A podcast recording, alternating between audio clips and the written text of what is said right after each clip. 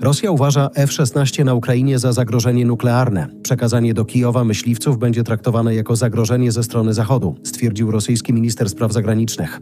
Samoloty F-16 są w stanie przenosić ładunki atomowe. Zachód nigdy jednak nie planował wspierania Ukrainy tego rodzaju bronią. Jedynym zagrożeniem dla Rosji są ukraińscy żołnierze, mówi minister spraw zagranicznych Ukrainy. Ze studia Voice House specjalna seria podcastów Ukraine in Brief. Najnowsze wiadomości dotyczą 13 lipca 2023 roku.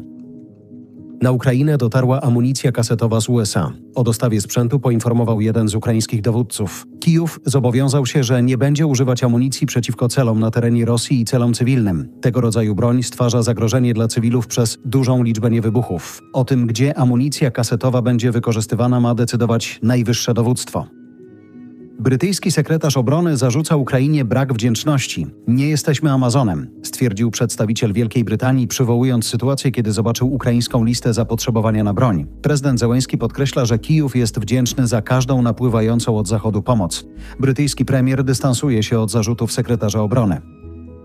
Rosja trzecią noc z rzędu atakuje Kijów. Ukraińska obrona powietrzna zestrzeliła 20 dronów i dwie rakiety. Spadające szczątki dronów wywołały pożary na terenie ukraińskiej stolicy. Do Kijowa trafiły zestawy pierwszej pomocy z Austrii, o czym poinformował mer miasta w mediach społecznościowych. Serbia zakazała wjazdu do kraju krytykowi Władimira Putina. Założycielowi Rosyjskiego Towarzystwa Demokratycznego, które sprzeciwia się inwazji na Ukrainę, odmówiono wjazdu do Serbii, gdzie razem z rodziną mieszka od kilku lat. Władze kraju nie skomentowały sprawy. Belgrad wielokrotnie potępiał inwazję Rosji na Ukrainę. Do tej pory nie przyłączył się jednak do międzynarodowych sankcji przeciwko Moskwie.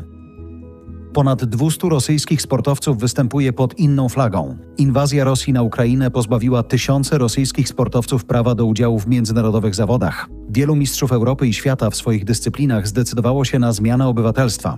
Podobnie zresztą młodzi sportowcy, którzy są dopiero na początku swojej kariery. Największą występującą pod inną flagą grupą są obecnie rosyjscy szachiści.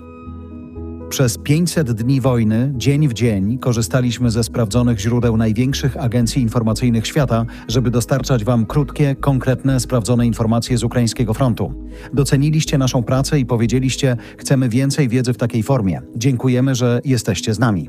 Ukraine in Brief od przyszłego tygodnia będzie już w nowej formie. Informacje na temat sytuacji w Ukrainie będziemy przekazywać w tygodniowym wydaniu, ale to robi przestrzeń do codziennych briefów audio z najważniejszymi tematami. Jarosław Kuźniar Daily Brief już wkrótce.